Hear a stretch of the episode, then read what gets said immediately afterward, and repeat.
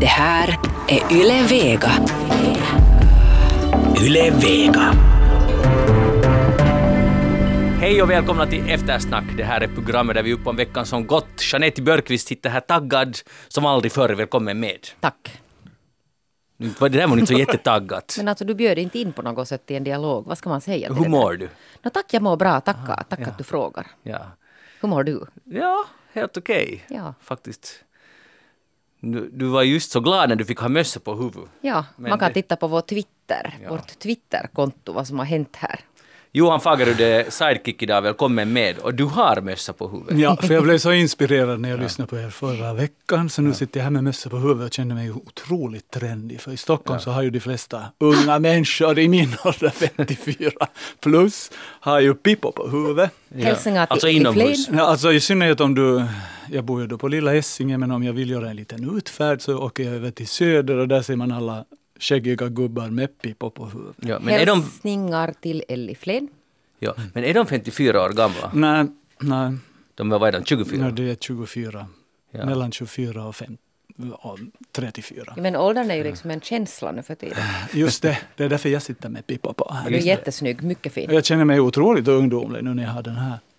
Men, alltså, jag vet vi har talat ganska mycket om det här med mössa på huvudet, men blir det inte ganska hett? Mm, mm. Men det är det man får lida för. Jag Alltså, minner dessutom av Ylle, mycket bra finsk kvalitet. Så att jag blir säkert ganska varm. I något skede kanske jag tar av mig den här under sändningens gång. Vi ska hålla er uppdaterade i den frågan. Ja. Jag heter Magnus Lundén, program alltså Eftersnack. Vi har mycket att tala om.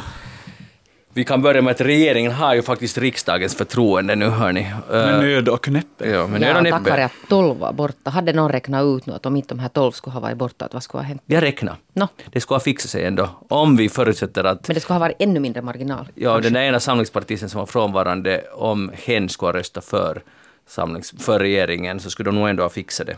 Men nu blir det 99 mot 88, 12 ledamöter var frånvarande. Onekligen väldigt jämnt, men jag menar, där är ju ändå en 10 procents enhetsskillnad ungefär, kan man väl säga. Förresten lite mindre än det de facto, för det är ju 200 med och, 5 procent. Jag tar tillbaka det med procenten. Men i alla fall, så eh, har du eh, regeringsförtroende?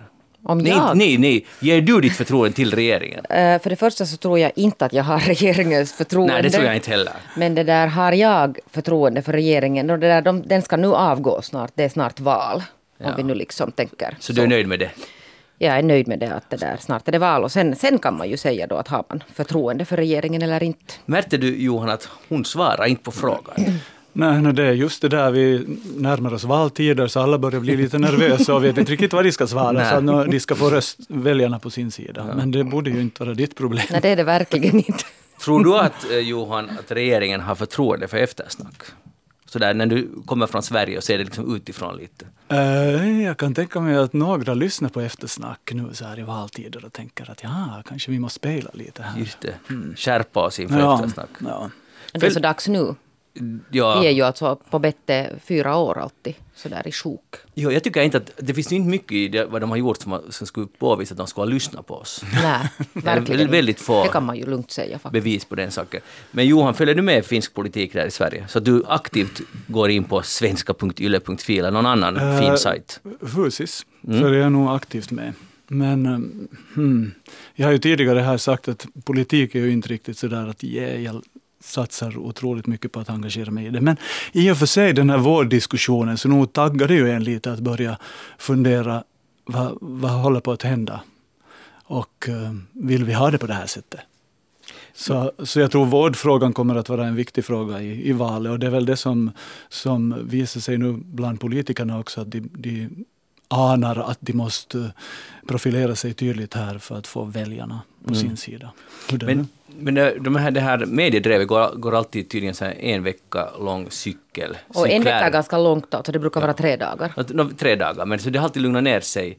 Liksom, för att nu tycker jag att när jag försökte lä- fundera på vad vi ska prata om idag så hit, hittar jag ingenting, eller väldigt lite om åldringsvården. Förra veckan svämmade det över av det och nu är det, det är nästan som det skulle vara nästan bortglömt och så får det ju inte vara. Men är inte lite så att det blommar upp alltid i valtider? Så var det åtminstone i svenska valen också. Då var det snack om vården hela tiden. Så var det i förra valet Ja. också här. och ingen, eller inte speciellt mycket hände. Egentligen. Nu hände det lite, hände det ju. Det, det fanns i mitten av det här, den här regeringsperioden ett förslag om att gå ner ytterligare i vårdare per patient. Mm. Jag tror att det var Samlingspartiets. Jag tror att du har rätt. Istället för 0,7 men då håller man ju på att bråka att ska det vara 0,5 eller 0,7 vårdare per. Och då fanns det ett förslag i ett skede här att det skulle vara 0,4. Mm. Det hände. Ja. Eh, men sen är det ju det där som vi har sagt tidigare att det handlar ju om lite mer svårare frågor än bara antalet vårdare per. Men vården är nog någonting som är på tapeten i Sverige hela tiden också. I synnerhet nu med den här skandalen inom Karolinska och pengar som har plöjts ner i, i konsulter istället för vården. Så det diskuteras nog hela tiden. Mm. Och sen nu också jag kryssade alltså hit eh, med min dotter. Rekommenderas förresten att åka på Tumis kryssning med sitt barn. No, I alla fall hon berättade om, om sin kompis då i 25-årsåldern som hade problem med sin mamma som bor uppe i Skellefteå eller Sundsvall var det var och som är på ett vårdhem där de hade 50 eh, patienter och en vårdare. Så hon fick ju det första hon var när fick göra när hon kom och hälsade på sin mamma var att duscha henne och sköta basvård, alltså hygien. Och så borde det ju inte vara. Nej, men du måste förstå att Sverige är ett fattigt land och, och, och, det, det, är inte lätt mm. att ta hand om sina sjuklingar. Det, det, det, här är ju det där ironiska, det minsta ord man kan säga här, att hur det kan vara sådär. Mm. Kanske det var tillfälligt, det finns säkert en jättegod förklaring. Nej, men hon bor ju själv då, den här flickan bor ju i Stockholm. Tänk er att ha den där stressen att hon bor i Stockholm, mamman är på ett hem i, i Sundsvall och hon är osäker på att får hon, blir hon ens duschad en gång i veckan. Mm. Så det blev en stress för den här, för hela familjen förstås. För inte det är ju bara den eh, åldringen som är på vård, det påverkar ju hela familjen.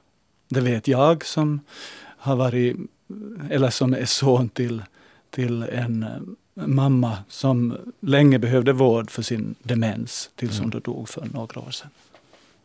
Och det drabbar ju hela familjen. Och, hmm, hon vårdades då på ett privat eh, vad heter det, demenshem som, som var en liten enhet som sköttes av en, en före detta sjuksköterska som hade skapa det här hemmet.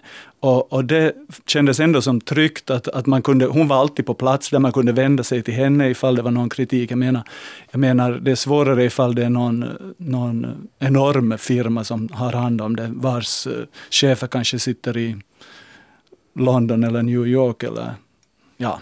De sitter på någon kanal. Eller på någon kanal. Ja.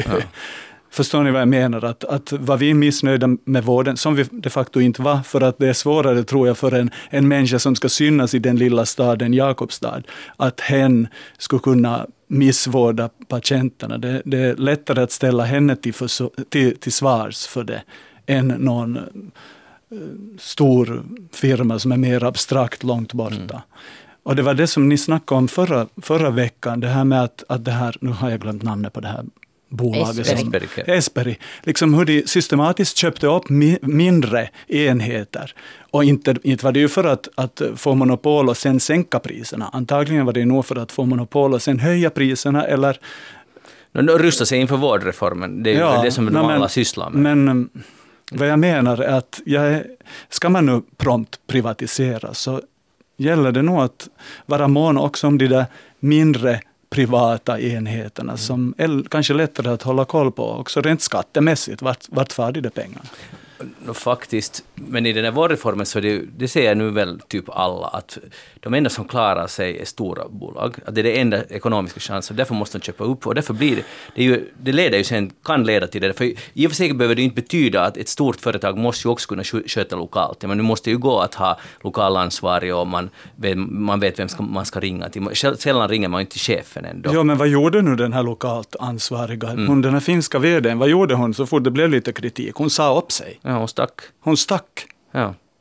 Uh, och det var kanske inte ett så tungt beslut för att hon hade tjänat riktigt fina pengar här under tiden när de har köpt upp sina företag. Det var säkert hennes uppdrag att mm. se till att expandera och göra det nu. Och, och det kanske inte var så jättestor skillnad hur vården sköttes. En tröst var ju att kommunen ingrep ändå.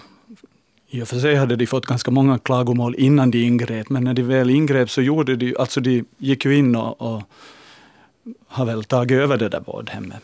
Men det här, är, nu, det här handlar ju också om det här drev tänke på ett sätt, för att det hade ju kommit massor av klagomål Under många under år. många år. Och det har inte, till exempel har inte journalisterna gjort sitt jobb, för det, jag antar att det är allt region, vad heter det, region... eh, verk- förvaltning, centralen. I Åbo, typ vad de nu är.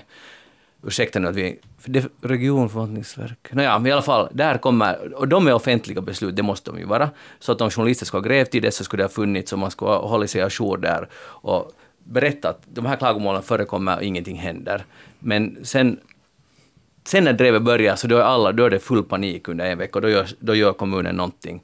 Och nu är det nog risk att det här glöms bort efter valet. Nu är det Ja, alltså jag skulle säga bara det att, att jag har läst och jag har själv skrivit alltså sådana här, sådana här historier och sådana här eh, vanvård och, och det där problem inom äldrevården under många, många år. Mm. Många, många år. Jag skulle nog säga att journalisterna har nog skött det här alltså bättre än, än många myndighet. Okej, För så det- journalister har alltså alltid hållit, det är liksom de som på något sätt, men det leder aldrig någon vart. Och det var ju någon som jag sa, alltså min frustration att, att det brukar vara så att man säger att någon måste dö innan någonting händer. Och när det gäller äldrevården så vet man att människor har dött alltså och ingenting händer. Det, det liksom finns hur mycket som helst om man, om man går och söker, alltså hur mycket som helst under många, många år. Och vad, vad det var som gjorde att det här just nu blossade upp, så det, det är liksom sen en, en sån här annan mekanism.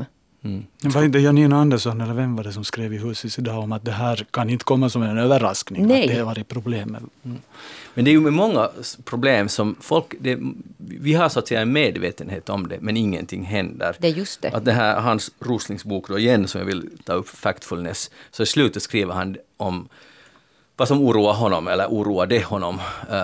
Så tar han upp det här med till exempel med fattigdom, extrem fattigdom, som det, att det finns ju trots allt fortfarande, var, var det nu 800 miljoner människor eller något sånt som lever. Att alla vet, och alla vet precis vad som borde göras, vad som skulle kunna göras. Eh, utbildning, eh, bättre kloaker, grundläggande hälsovård, vissa så här helt enkla saker, alltså enkla, så ska vi säga i det betydelsen, man vet precis vad som borde göras, men det görs ändå inte. Av olika orsaker. Fast det är helt entydigt, det här som borde. Lik, li, samma sak är det lite här. Kanske lösningarna är inte lika entydiga, men vi vet att det där problemet finns.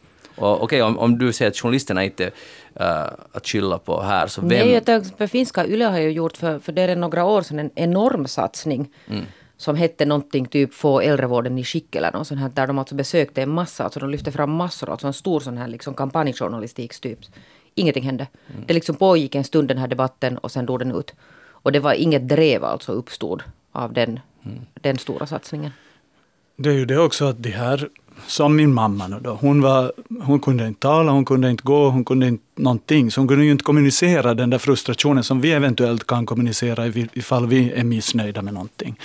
Nu fick hon bra vård, men det var också skönt för mig som då inte bodde i Jakobstad att ha en pappa som gick dit dagligen och, och liksom så att hon mådde bra. Men tänk er för någon som som inte har den möjligheten. Man är helt utelämnad till att, att vi ska lita på de här. Och det skapar ju också en jätteosäkerhetskänsla för sådana som vet att snart är jag där. Att om man börjar märka att jag blir kanske intagen snart och vet att det där är ens framtid, det måste ju må- ganska ångestfyllt, alltså på, på riktigt att veta att det där, om man inte vet att kan man ens lita på att systemet sköter sig. Jag vill poängtera att, att, att hon fick bra vård och, Ja. det, och det var en glädje och en, tog bort stor del av vår stress. Sen utlänningar som ser på hur vi tar hand om åldringarna tycker kanske att vi är helt galna som överhuvudtaget sätter den på ett... Jo, och det tycker de är. Men det där i Sverige, för att nu var det i veckan som, nu vet jag kanske, kanske TV-nytt också hade, men finska Yle hade grävt fram den här, och ni minns från Sverige den här Lex Sara Ja, fallet. Alltså ja. den här sjukskötaren som larmade då för, vad är det, 14-15 år sedan om vanvård, alltså på det äldreboende där hon jobbade. Det ledde sen till alltså att Sverige gjorde en sån här lagändring som betydde att, att personal till exempel som, som observerar eh, vanvård på sin arbetsplats är alltså förpliktigade att de måste anmäla det. Och det är alltså den här lex Sara. Och nu talar man om att borde man få alltså en sån hit också.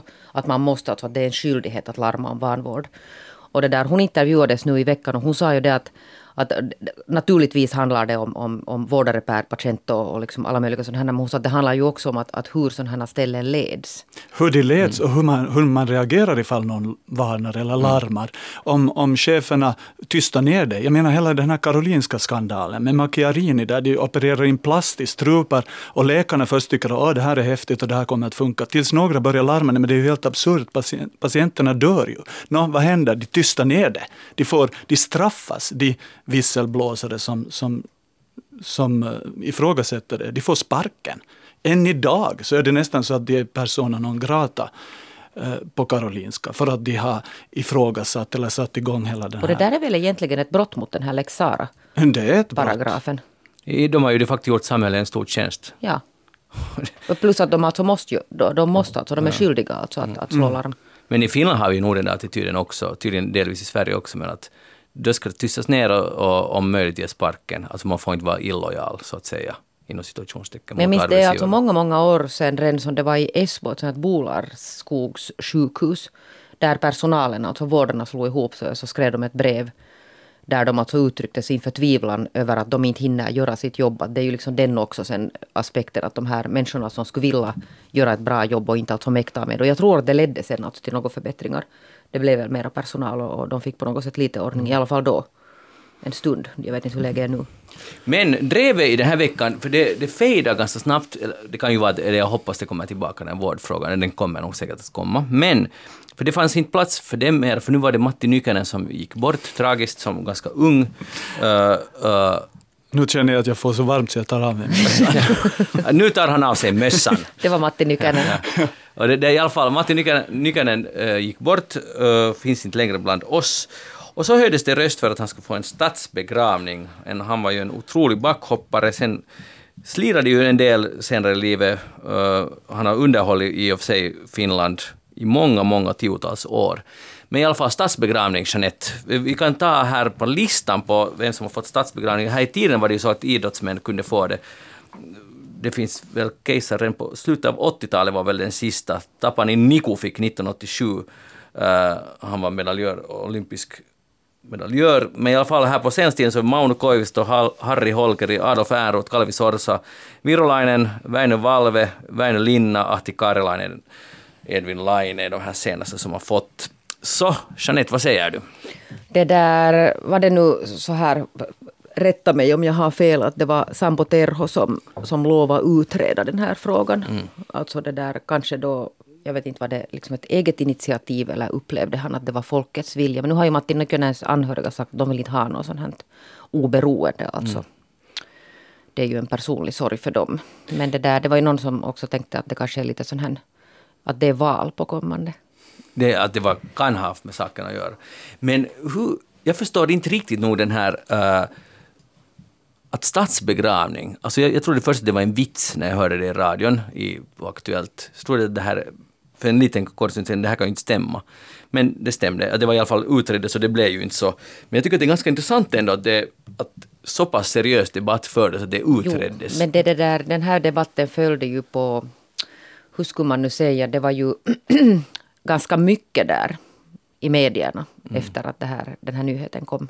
Johan, med rikssvensk distans här på saken. Alltså för det första så hoppas jag vid Gud att Matti Nykänen äntligen får vila i frid. Men jag tycker det är helt absurt att man ens tänker att han skulle få en statsbegravning. Jag tycker att Finland skulle kunna ta bättre hand om sina idrottare medan de lever. Ja.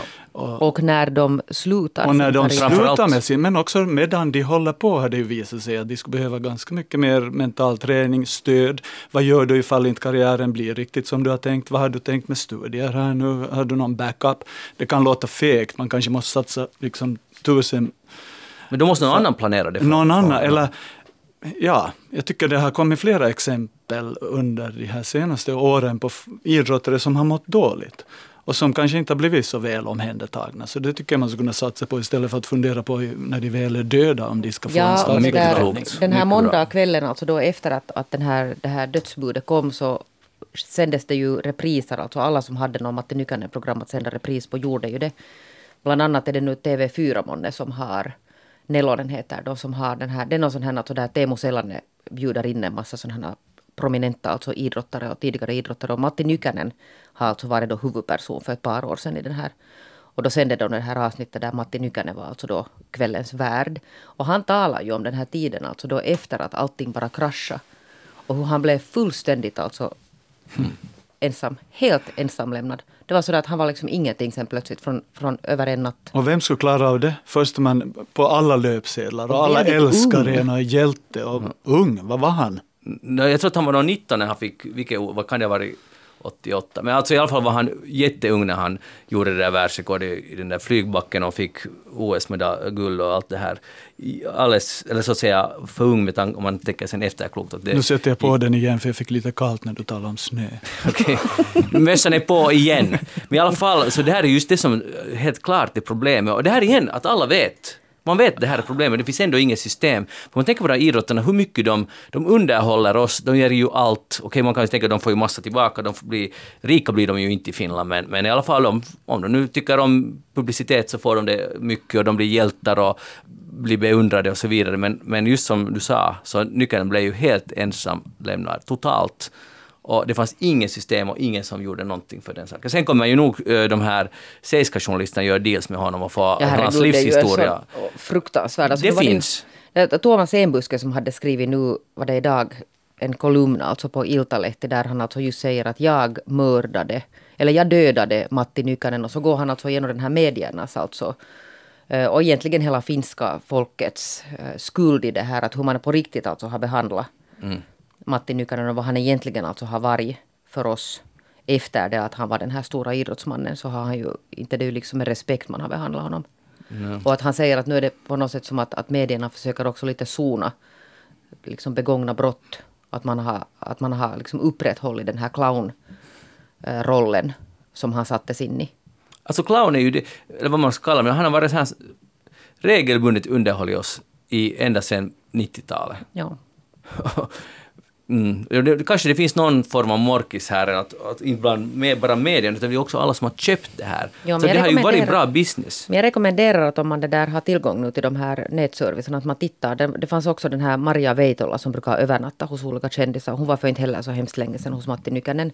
Att man tittar på det programmet och sen det här där han är hos Teemu Selänne. För att där kommer man på något sätt på riktigt åt den här riktiga, känsliga människan där. Mm.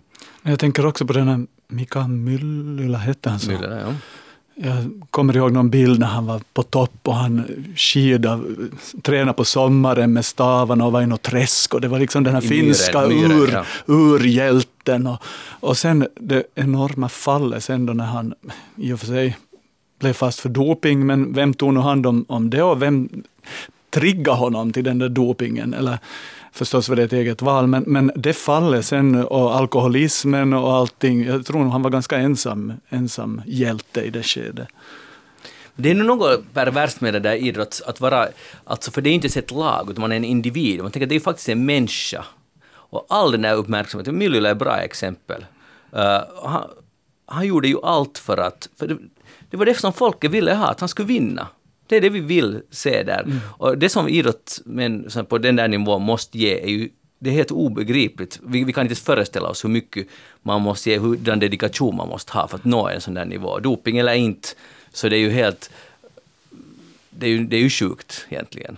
Men, men ändå vill... Jag tycker själv om att se på skid... Det är ju roligt att se när folk skidar. Alltså snabbt. det är en form av gladiatorspel Ja, egentligen. inte bara en form. Nu är det ju egentligen nästan samma sak här, det här är avsidan. No, men nyckeln men jag vill ändå säga ja. om den här nyckeln att Suomen mm. Kuvalehti hade räknat sen, alltså det här dygnet som löpte efter att nyheten var ute och sen ett dygn framåt, så hade de här stora mediehusen alltså tillsammans skrivit, eller liksom gjort över 150 rapporter. Det är ganska mycket på ett dygn om Matti Nykänen.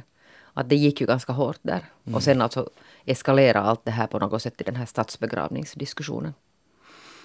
Intressant. En bra pejling nog på läget i Finland dock, att, att, det, var, att det gick så här. Jag tror, att det här, jag tror att du har rätt Jeanette, det, där, det är någon sorts morkis som Ja, det var inte jag, det var Thomas Enbuskes Aha, fina teori. Okay. Hej, nu har det utretts, uh, vi tar kort det här för vi är kanske inte så insatta, men att nu uh, idag har det presenterats den här undersökningen om finländsk, om det fanns finländare med i de här SS-trupperna i Tyskland som också har varit delaktiga i folkmordet och det kom ju livesändning på YLE för den här utredningen. Jag tycker att det var lite imponerande att, att man kunde faktiskt följa med där. En... Men det kom samtidigt som den här omröstningen om regeringen, visst kom det? Eller mm. de gick på något sätt lite på varandra där. Ja. Men i alla fall, har ni fått med det här? Liksom, har ni, är någon ni har reflekterat över finländ, finländarnas uh, delaktighet? Jag tycker det är lite typiskt att vi tror att om det nu är några finländare med så de gjorde nog säkert inte några elaka saker eller något hemskt. Men det, det har kommit två nya böcker i, i Sverige, eller säkert fler, men två nyöversatta nu som handlar just om det här att vad, vad fick vanliga människor att göra de där fruktansvärda sakerna? Ehm, och de delar upp människorna i flera olika kategorier, bland annat de som gick igång på det där våldet, men också de som, det var krig, de lydde order. Så att jag tycker inte att det är så förvånande att var man med där så har man säkert gjort både ett och annat som... Och, men det som är bra med det här, att det har gjorts, jag tycker att det är, helt, det är, det är det är det minsta man kan göra, att utreda hur var det egentligen. Mm. Och nu har de inte alla svar ännu och det här gäller åren 41 till 43, men jag tycker att det var lite imponerande. Så här civiliserat försöka utreda, visserligen har det gått ganska lång tid, men att man ändå har försökt och de har gått igenom dagböcker och, och försökt, folk skrev tydligen brev hem med alltid omskrivet, omskrivet. man måste liksom läsa mellan raderna för att försöka komma underfund med vad de har upplevt. Men det här är bra, ett, ett moget land måste klara av sånt här, det är helt på rätt spår i alla fall. Jeanette. Ja, så är det. Så är det. Så är det. Hej, uh, har ni någonsin använt posterestante-tjänsten? Posterestante, man, man... Nej, men jag vet att många bostadslösa använder den. Ja, för nu har posten bestämt att det ska börja kosta 3 euro och 10 cent per gång. När man, alltså om inte man har en adress. fast adress om man vill ändå få post, till exempel besked om hur man ska rösta eller besked från Kela eller någon annanstans, så måste man ju få det där brevet någonstans än så länge i alla fall. Eh, och nu har posten då bestämt, den statliga posten bestämt att det har varit gratis tidigare, men nu ska det börja kosta 3 euro och 10 cent per gång som man går efter sina, sin post, sina brev. Men det kom ju också något här tidigare att, man, att det ska börja kosta om man vill ha sin post hem inom något, vad var det för dagar? Det kom här nu i början av veckan. Mm. Att det där var det inom två dagar så måste man betala extra annars så tar det minst fyra dagar eller något sånt. Det här har jag missat. Det var ju jätteintressant. Om vi börjar med den där posterestant i alla fall. Så uh, jag tycker det är ett ganska konstigt beslut, men nu är det, nu är det ju det de förklarade med att, att posten fungerar inte med skattemedel, utan posten är ett bolag som måste fixa sina intäkter. Och därför är det så här. Men nu säger, sen säger de som är bostadslösa att det blir ganska mycket pengar. Eh, det låter ju i våra öron som lite, 3 euro och 10 cent, att nu måste man ju ha råd med det. Men å andra sidan, vi som bor i en stad i alla fall får vårt, våra brev alldeles gratis utdelade till oss. Mottagaren betalar inte för att få sin post. Men nu måste en uh, bostadslösa göra så här. Hur reagerar du Jeanette på det här? Jag tycker att det är det där jättedåligt. Ja, men vem ska då betala det? Nej, men den som har sänt brevet betalar ju porto för brevet, räcker ja. inte men, men det, men det betyder att de borde alltså chockhöja de här portona på det här? Ja, men de säger att det här tre euro, det, är bara en liten del av kostnaden, för de har ju en liten lucka där och, och att upprätthålla systemet kostar. Men å andra sidan kostar det ju också att ha postiljoner som delar ut brev. Det kostar ju också. att det kostar mer än att ha de där lådorna som redan står där färdigt. Ja, det är lite, lite mystiskt nog det här.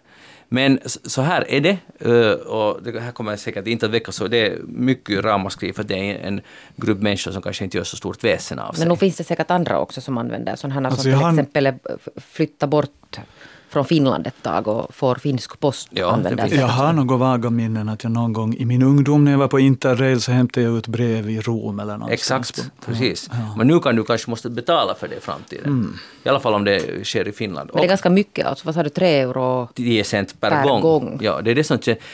Alltså, det känns som... Alltså, det är ju förstås inte pengar det kommer inte att inbringa till posten så hemskt mycket pengar, men det känns ganska oskäligt bara. Jag tycker bara det är men det är det är lätt att tycka, men det är så här, de, kan, de kan alltid säga att vi är ett företag, vi måste få våra intäkter. Och det är också sant, men då måste, ju, då måste man på något sätt var, alltså det är var subventionera det.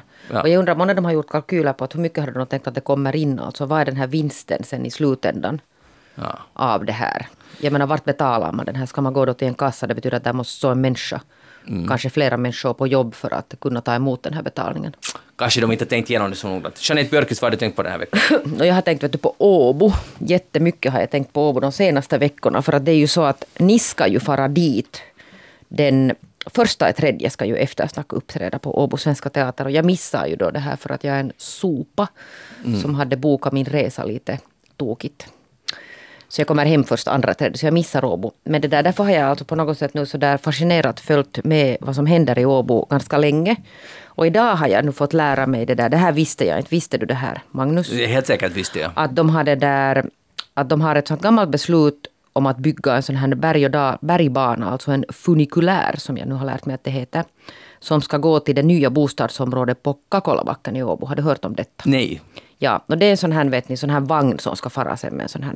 Alltså är det en berg och dalbana? Inte berg och alltså är det dal- nöjespark? Nej, utan sån här, vet du, bä- vet du, sån här som man åker i en hytt, vet du, upp. Jaha, ja. Har du aldrig varit Ja. i Lissabon? Där har de Nej, jag har inte varit, men i Bergen heter finns det. det. jag. ja, men det här alltså har då sålts eh, som idé då för några år sedan och, och, det där, och det såg jättefint ut. Jag kan inte riktigt nu beskriva men jag ska försöka göra mitt bästa för att beskriva vad det var som såldes in hit. Det är en sån här det ser ut som ett, ett nästan sån här, det är liksom grönt och vackert och så är det en sån här stor glasbur. eh, Och det ser på något sätt jätterofyllt och stiligt ut. Så såldes det alltså då. Och det där, nu har de blivit klara de här.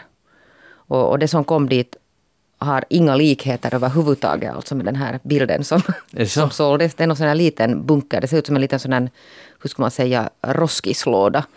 Som är alltså då betydligt mindre än den här, den här liksom stora fina glasvagnen som ska åka dit.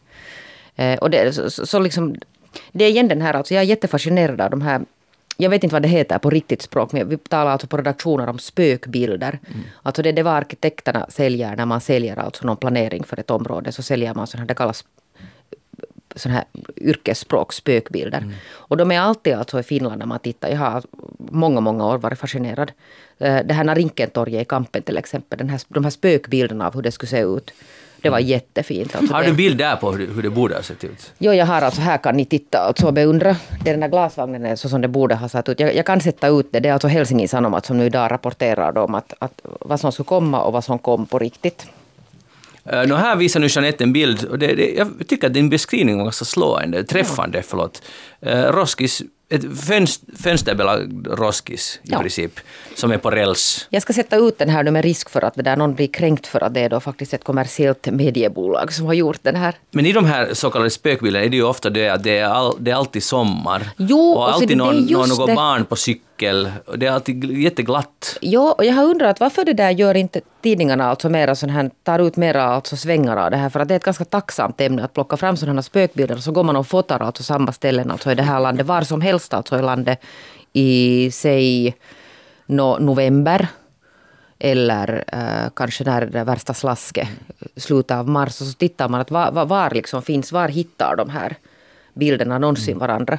Och där, jag, jag började någon gång in, för länge sedan utreda att varifrån kommer till exempel de här människorna som placeras in. Alltså, det är sån här, alltså då, sån här liksom fantasibilder av hur det här kommer att se ut när det är färdigt. Och, och alla människor de har såna här, vet ni, det, det är sjalar som svajar och det är liksom snyggt och det är högklackat och det är liksom businesskillar som, som vandrar överallt. Och, och då fick jag lära mig att det är tydligen så att det ordnas sådana här på, på olika arkitektbyråer sådana här kvällssitsar, eller inte sitsar utan kvällsstående, dit det bjuds in en massa människor och så fotar man dem och sen liksom lagar man av sådana här liksom då verkliga människor sen, sådana som, som man kan placera in på sådana här Det där är ju en fantastiskt bra idé. inte? Ja, alltså det, jo, men så här, alltså, det är inte alltså en idé, så här görs det här. Men sen alltså det där så borde man ju egentligen för att vara realistisk i det här landet så borde man ju nog ha liksom lite andra karaktärer. Och på något sätt lite mer så här realism i det här, att vad är det man säljer egentligen? Men vad, vad, vad skulle du vilja placera in i de där bilderna egentligen? Alltså slask? vet. Ja, slask och så finns det ju allehanda sådana som tycker om att hänga till exempel vid järnvägsstationer och sitta på Narinkentorget. Narinkentorget i Helsingfors, alltså de som har kommit med buss någon gång till kampen. Det är det här stora torget där det inte finns någonting. Alltså nada, nothing. Hörde det skulle vara ett medborgartorg? Jo, och det var jättefint. Jag kommer ihåg de här bilderna alltså när det såldes. Det var, det var alltså inte bara Medborgartorg utan det var ju ett salutorg dessutom inritat. Och det var jätteglada människor som shoppade äppel och bananer och vad de nu shoppade där. Ja. Och sen när det förverkligades så fanns det alltså ingenting av det här kvar. Nej. Och, och det där, då utredde jag faktiskt att vart försvann det här fina salutorget. För det var på något sätt det som var den här underbara idén att det skulle komma ett nytt salutorg så här centralt i Helsingfors.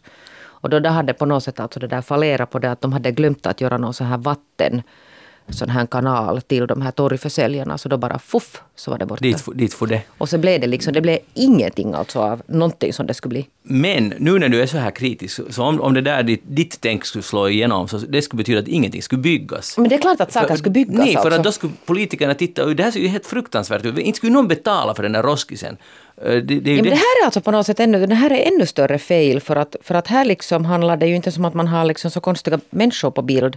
Utan det skulle bli en stor fin glasbur Och det är en liten låda som är gjord av, jag vet inte, det ser ut som att den är gjord av metall, jag vet inte. Ja, men förstår du att om man presenterar uh, åt politikerna och tjänstemän att, så här kommer det att se ut. Att det kommer att se ganska jävligt ut för det finns inte så mycket pengar. Så inte skulle de ju köpa det. Men det där på något sätt Så, tycker men det kanske är lika så bra, men, det skulle men vara finns bättre. det, inte, alltså, finns det inte någonstans någon sån här ansvarsfråga? Nu säger jag ju inte att det där att man inte skulle få att det, att det behöver liksom vara en jättestor glasbur. Men inte kan man ju gå från om man har sålt alltså och köpt en glasburs fin sån här fancy. Mm. Så från det att gå till det där en sån här liten sån här roskig stunna. Så frågar man ju liksom att, att, att vem köpte och fick man det vad man köpte. Men du läste om det här i, i Hesari, va? Ja. Hade det kommit någon diskussion och hade det blivit Det protester har då när det såg ut som en alltså, det roskis här. istället för Men en alltså du får ju lyxig... Magnus, du som far dit i Åbo, så du får ju, de- den här ska tydligen öppnas då i mars. Det här ska Så vi kolla in, kan- hoppas vi hinner ja. se det. Vi är alltså på eftersnacket på OST med äh, Maria Waström och Anders Helenius. Första mars, det blir en första gången för Anders Helenius med eftersnack. Det blir jättespännande. Vi är där live alltså klockan tre den fredag den första mars. Så häng med där om ni vill vara med i snacket. Det blir jättekul. Vi återkommer till det senare. Johan, vad har du tänkt på i den här veckan? Nå, jag blev tydligen jätteinspirerad av ert förra eftersnack för att jag hade tänkt på vår katt Grafton. Jaha. Uh, Grafton heter han för att vi hittade honom i ett dike, eller våra döttrar hittade honom i ett dike när jag höll på med ett Grafton-projekt. Grafton var alltså ett fartyg som smugglade vapen till Larsmo 1905. Eh, men i alla fall, han heter Grafton och eh, han är då en familjemedlem. Jag vill lite föra in oss igen på den där diskussionen ni hade med veterinärer och att ska man ta livet av en katt så fort han haltar lite. Och jag var kanske, eftersom jag bär både landet och staden inom mig, så, så känner jag att jag, ja, jag hade min första impuls var sådär att inte ska man satsa några pengar på ett, ett djur som blir sjukt. Att, ja, går det inte att fixa så, så måste han ju somna in då. Det var lättare sagt än gjort då när vi har levt med den här katten och han har blivit en familjemedlem. Och och eh, han plötsligt faktiskt bröt benet i något skede och vi for till veterinären och de sa att det här går inte att gipsa, att han måste till en specialortoped i Seinejoki. Och vi fick veta då vad det skulle bli att kosta och det var nog inte så hiskeligt dyrt som din katt har råkat ut för. Eh, det var där kring 500 och där var nog svaret genast för vår del att absolut ska vi satsa det här på vår familjemedlem. Eh, för det kommer ju också in det där att vad är det för signal till våra barn ifall vi plötsligt, bara för att han nu haltar lite och, och det är en sak ifall det absolut inte ska ha gått att fixa. Men när det gick att åtgärda så kändes det som en, en bra grej att visa åt barnen också att nej, men vi kan ta hand om honom och, och fixa det. Det här vill jag eh, lite för att jag, jag tänkte när ni pratade om jakthundar och katter, och då kom jag osökt att tänka på min kära faster Venny, må hon vila i frid. Men hon berättade faktiskt åt mig en gång att det var statusskillnad på katter och hundar när hon var liten. Att hundarna skulle man vårda, och i synnerhet jakthunden, så var ju mycket värdefullt för en jägare. En bra jakthund, de växer inte på träd. Så att den tog man väl hand om. Men flickornas katter, ofta var det flickorna som tog hand om katterna och de kunde man nog minsann eh, ta livet av eh, ganska lättvindigt. Eh, och jag, tycker jag funderar på det där när jag hörde på dig och på Ellie och hur ni pratade om, om djur, att lever det kvar det där? Det finns liksom en statusskillnad mellan djuren också. Det finns jättestor statusskillnad alltså mellan katter och hundar. Det ser man ju alltså bara på den här, vad det finns alltså för service erbjuds åt, åt hundägare och vad som finns sen åt katter. Och sen funderar jag också på det att du var inne på det Jeanette, att, att i Sverige hade då har stora veterinärfirmor köpt upp de mindre. Och det har lett till att priserna har skjutit i höjden. Och eh, det märker man också här i Finland, men ännu har vi möjlighet att lite kolla in priser mellan veterinärer, att, att de varierar ganska mycket, så det lönar sig att gå till Beroende olika... på och- var man bor. Ja, det är ju det. Jaha. Mm. Så, Så jag får medhåll men, men det är klart att, att om man presenterar det så, så där som att vår familjemedlem, det är ju inte heller som man överger sitt barn om, om det har brutit benet. Nej, no, det, det, att då, då är det ju saken ganska klar. Att om, Men så om- kan om någon du- säga att man i sin show på att inte är ett djur liksom. Någon Nej, men jag säger ju att jag själv var sån här, nej men vadå, inte kan man satsa hur mycket pengar Mm. som helst på det där. Men, men jag märkte bara att nej, men då när, när det fanns en möjlighet, nå, kanske det var också för att det var frun som betalade. det, det kan ha varit en bidragande orsak. Alltså Nej, men när vi ser hur han rör sig nu fem år senare, springer upp för backen, hoppar upp i träd. Alltså, Ja, med facit i hand så tycker jag att det var värt varenda cent av fruns pengar. Ja, det där, jag är alltså nästan lite chockerad. Det lät ju ganska billigt, det där 500 euro för ett sådär alltså avancerat ingrepp. Du, Jag, jag tror inte att man skulle kanske borde åka dit till, till Österbotten med min... Skulle du kunna tipsa sen efter programmet, Jeanette, om var du får, man får sådär billig service? Faktiskt så min fru skickade sen en videofilm, för han, hon fick höra av den här, han var erkänt skicklig den här ortopeden, och hon fick höra av honom, att han kommer kanske inte att bli helt återställd katten, men sen då fem år senare så har vi en videofilm på hur Grafton springer upp för backen och det skickade vi till den här veterinären som var mycket glad och nöjd över att hans jobb En stor hade funkat. historia. Ja. Grafton fick Med fem års historia vill jag då visa att, att nej, keppa nu inte katten genast, utan undersök vad det finns för möjligheter. Oho, det där är svåra frågor. Men det här, här slutade lyckligt och det var väl investerade pengar Ja. i en familjemedlem. Jeanette, fick, känner du nu, fick du styrka av det Jo, här? jag känner det. Hur har det gått för din katt? Nå hör du det där. Vi var sen efter förra programmet på en sån här kontroll och nu Ja. visade det sig att han borde gå på någon sån här specialundersökning. Aha. Som jag inte ens minns namnet på och det finns bara två i Helsingfors som gör det och det skulle kosta, eh, tror jag, någonting kring 900 euro. För att utreda om han har en strukturell, en, något strukturellt problem alltså dit inne i örat.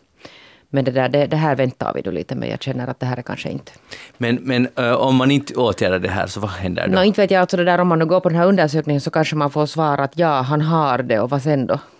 Sen, för det där är ju bara förräkningen, sen kommer den riktiga räkningen. Ja, och sen alltså antagligen vad som skulle hända efter det är det då att man utvärderar att är det någon sån här strukturell någonting, någonting som kan opereras och sen är vi alltså, jag känner att någonstans drar jag ju alltså gränsen Alltså helt med tanke på hans liv också. Det har varit tillräckligt sådär plågosamt för honom att hålla på med droppar och medicin och allt möjligt annat här nu. Men lider katten just nu? Nej, nu är han jättenöjd och lycklig. Aha, men är inte allt bra då?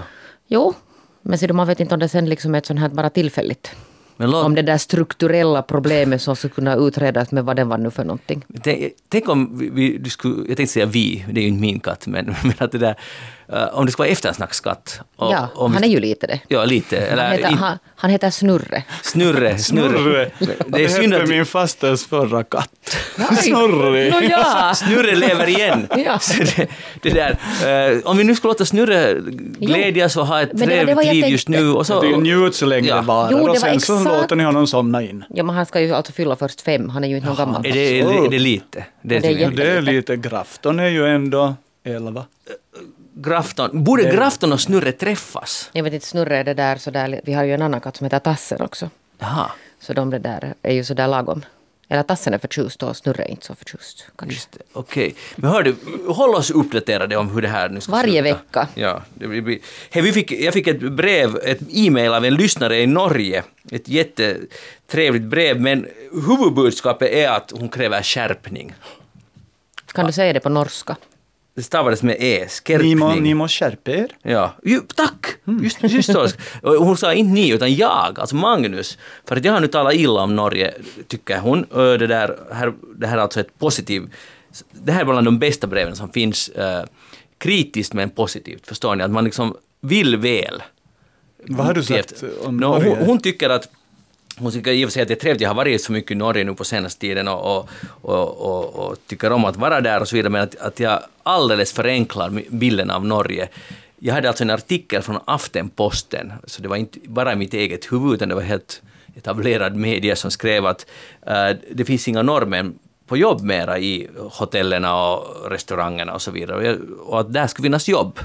Men hon tycker att man ska inte nu bara tro, och det är säkert, alldeles säkert sant, att, att allt det- är bra i Norge. Jo, men du på något sätt, alltså nu lämnar du borta den här detaljen att du tänkte att de bara drischar med sina oljepengar. Men det har jag nu inte tyckt. nej men alltså någon, någon i den här studion, det var inte jag som sa det här, att, att, det där, att de inte orkar ta sådana här jobb, det var det tror jag som Ja, var okej, här. och det var det som triggade. Och det var, om, om vi sa så, så var det ju inte så snällt. Det, det måste man ju säga. Eller ska vi säga, det kan inte ha varit korrekt. Norrmän drischar säkert inte mer än någon annan.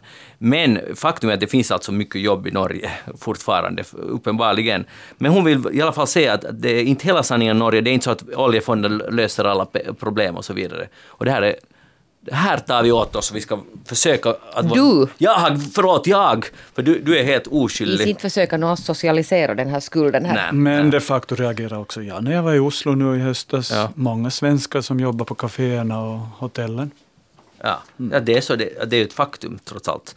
Men ännu viktigare än så här är att, ähm, lyssnaren sk sk skriver att, att eh, vi kanske skulle bli lyckliga av att höra att hon och hennes man träffades på ett tåg första gången, för vi har talat mycket om att ett tåg är ett flirtvänligt ställe på grund av en artikel i eh, SJs tidning Coupé.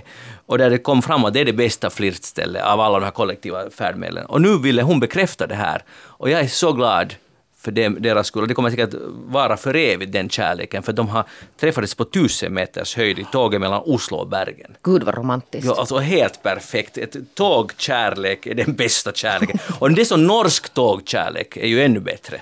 Så måste det ju vara. Har du någonsin, Johan, har du någon erfarenhet av tåg? Eh, Jag har faktiskt vänner som har träffats på tåg och som fortfarande är gifta. Så, så det kanske ligger någonting i det är det bättre där. än den här. Tinder. Den här som folk håller på med. Det, är nu helt, alldeles säkert bättre än det. Hej, ehm, jag skulle tala om uh, vändagen närmar sig med stormsteg. Då är det ett, Alla hjärtans dag heter det ja, ursäkta, riktigt. alla hjärtans dag. Och nu är det ett zoo i Texas som hade, har en idé och som är ett, en, en, succé hade väckt. För det är så här att om man är trött på sin, sitt ex så kan man texta in eller mejla in eller skicka in namnet. Till exempel Jeanette, om du och jag skulle ha varit ett par och jag tycker att du är, du, du är inte så kiva mera, eh, då ska jag skicka in Jeanette. Och så döper de sina eh, äh, kackerlackor till, till olika namn.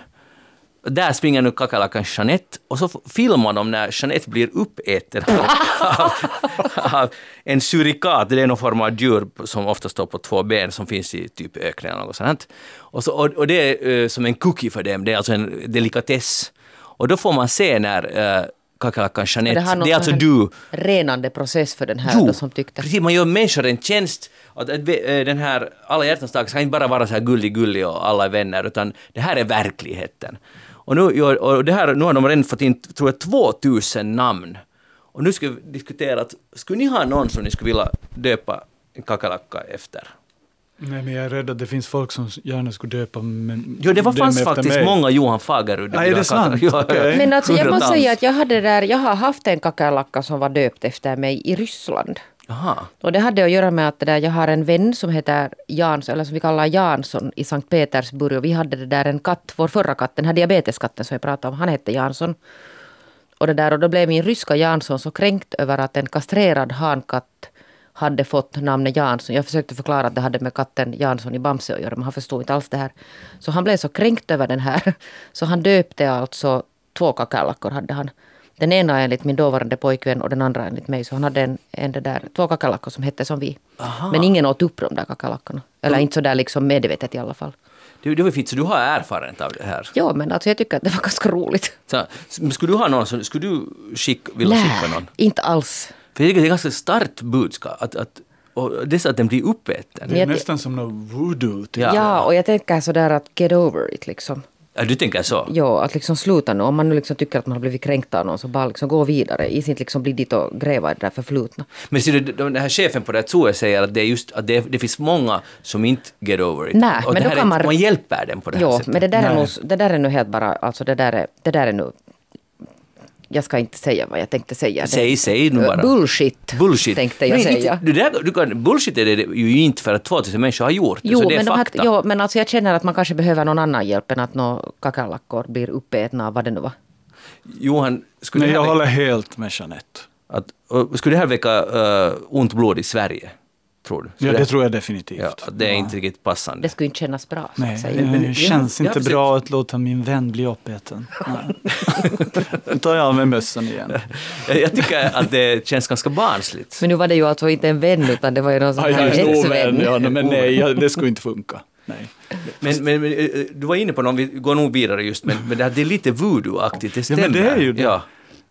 Att, att, tänk att man skulle vilja, att man, det är lite skrämmande, för tänk om den om det skulle vara voodoo då så skulle det ju ta ont på den här, den här ex. Det är kanske det man vill i och för sig. Men nu är det lite patetiskt. Det är patetiskt. Ja. Vi är eftersnacket emot det här. Alltså, Borde vi skriva dit till Ja, det skulle vi kunna. Alltså tiderna vi lever i. Ja, nu är det ju helt behöver, sjukt. Men att man behöver hitta på sånt här och att människor ändå går på det här. Men tänk att det Alltså är- nu handlar det om sån här krishantering, personlig krishantering också. Kackerlacka. No, men fundera på saken. Ni får gärna uh, höra av er till oss om ni tycker att det här är en bra idé. Hoppas bara det inte blir någon eftersnack kackerlacka där. Ja, det kan det gärna bli. Alltså, jag är ju van med att bli död, alltså kackerlackor. Ja, du är det van. Finns andra Jag är inte så van. Sen vet jag tyvärr inte alltså hur den här, han hette Kimmo den här min, att hur Kimmo och Jeanette kackerlackorna mår. Det kan nog hända att de är döda, det är ganska länge sedan. Ja. Hur länge lever en kackerlacka? Länge. Ingen är svårt men att hälsningar till kackerlackorna i Ryssland om de lever. Var det i Ryssland det här? Det, det här var, Jeanette min kackerlackan var i Ryssland, det här var inte i Ryssland. Och Det där, tycker ni att man får använda det som händer ombord på ett flygplan? Man sitter bredvid någon kändis till exempel. För nu är det eh, Casey, Storbritannien tror jag det var. Det var någon ung kändis, det spelar ingen roll, men, men då, då var det ett fan som hade sutt, råkat sitta bredvid den här kändisen. Och hela flygresan, tydligen hade de någon, någon nät på flyget, twittra eller insta ut allt som den här kändisen gjorde. Alltså vi talar om detaljer, att nu sörplar han på sin juice, nu tuggar han så och så många tuggummi. Precis allt som den här kändisen gjorde under flygresan gick ut och har blivit nu en sån här, vet inte alla, alla förutom du Jeanette har fått det här, de här budskapen, äh, buden. Och då, är frågan att går det här över en gräns för att den här kolumnisten som skrev det här skrev att det som händer ett- ombord på ett flygplan ska förbli ombord på flygplanet. Alltså jag vet inte Stämmer det här? juridiskt hur man definierar. Nej, vi, vi, vi skippar juridiken. Nej, men man kan inte skippa juridiken. Man måste alltid ha juridiken vet du, i sitt bakhuvud. Att hur definierar man alltså? Det kan hända att det skulle definiera... Är det månne ett offentligt utrymme? Kanske inte. Nå, nu är det ju, nu måste, ja, nu är det ju ett offentligt. Ja, no, ja. No, men om vi skippar sig juridiken. Det där är alltså den första frågan. Som Det gick snabbt som du skippade juridiken. Nej, men alltså det där är den första frågan förstås. Alltså om, man, om det här handlar om det har blivit någon process. Men det där, nu är det ju eh, moraliskt är det ju sen kanske lite betänkligt. Moraliskt betänkligt. Jag förstår att det är frestande ifall den här kändisen gör en massa tokigheter. Jag vet inte vad det, jag har ju inte läst det här vad hen gjorde där på flyget, men det här visar ju tydligt att en kändis får verkligen tänka på vad hen gör när den är i ett offentligt rum. Till exempel dricka kaffe. Ja, men alltså, jag tycker det är lite bisarrt att man måste, alltså, det, det, är ju, man är kändis, det här leder ju till att kändisar sätter murar runt Ja, sig eller själv. flyga med privat. Ja, det är ju det det leder till, för att man kan inte umgås att säga, med så kallat vanligt folk, för då finns det alltid den här risken, man kan inte göra någonting. Och, och, men man kan ju inte heller stoppa det, nu måste ju... Nej, det är klart att jag vill säga att ni- naturligtvis ska man inte twittra om det, men alltså, ja. Men det här lät ju som att det var lite beyond sån här helt vanlig rapportering åt om precis allting. Det var att det var inte bara det här att jag är här i flyget och han sitter här och dricker kaffe. Nej. Utan det var liksom precis, åh nu gräver han sig i näsan, åh nu liksom lutar han alltså jag tycker den som har ägnat sig åt att twittra om det där skulle kunna skaffa sig ett eget liv. Just det. Annars riskerar hen att bli uppkallad eller få en kackerlacka uppkallad efter sig. Ja, Jag ska säga att det kan vara att du nu blir kanske hon nu tycker att du blir en Ja, det kan hända, ja. Ytterligare en. Det- är inte omöjligt, men hej, äh, Men det är ju intressant det här att kändisars liv är liksom så intressant att oj, nu tar han och dricker kaffe. Oj, jag, jag tänker stjäla den där pappersmuggen för att jag, jag får vara nära den där kändisen för att hen har hållit i den. Och man blir liksom perverst intresserad av en, vad var det ens för kändis? ja men, Såpa? Äh, filmstjärna. Filmstjärna? Ja. Okej. Ja, så det, det, det var det. ja men då så. Då så. Det förändrar saken helt och hållet. Hej, hur, hur firar ni samiska nationaldagen? Jeanette? Det där jag tittar på nyheterna och, och respekterar dem. Det var faktiskt, du satsade mycket då. Ja. Men, men mycket respekt. Men i skolan hade de haft riktigt temadag, hör du. Vad hade de? Jo, det är ju han har, positivt. han har olika stopps och sen tio frågor om samer och lärde sig jättemycket om samer. Bra. Johan, hur firar du Nå, nationaldag? jag såg att Sameblod sändes på Yle, Ja. tror jag. Och jag rekommenderar alla som inte har sett den att de ska se den. Exakt, den finns nästan en månad ännu på, på arenan, så jag Mm. Mycket rekommenderar. sevärd. Nå ja, men jag var på, på konsert på, uh, i i Helsingfors. Bästa konsert jag har sett på jättelänge. Uh, det var två delar. I del två spelar gruppen Soljo, som består av uh, mor och dotter Ulla Pirtijärvi och uh, vad heter hon nu? Hilda Länsman. Och det var en fantastiskt fin show. Uh, uh, det kändes nästan, det var sån energi, snyggt utfört och stämningsfullt och på alla sätt. Detta band är Finlands framtid och jag hoppas de får en stor export uh, ut i hela världen. Soljo heter gru- gruppen och nu tänker jag faktiskt spela en låt från den här skivan som jag köpte. Jag fick deras nimmar här, vilket jag ska rama in. Jag tänker, jag tänker börja stalka dem, allt vad de gör och twittra allt vad de gör, vad de äter och så vidare. Men det här är musik som jag rekommenderar och nu låten heter så mycket som... Mm, Nu har ju de mockat lite det här, men vi tar och spelar en låt här för annars hinner vi inte lyssna på det. Vi är tillbaka igenom en vecka, ha det så bra tills dess. Uh, Jeanette Björkqvist, tack för att du var här. Johan Fagerud, tack för att du var här. Jag heter Magnus Lundén. Eftersnacket tillbaka igenom en vecka. Hej då!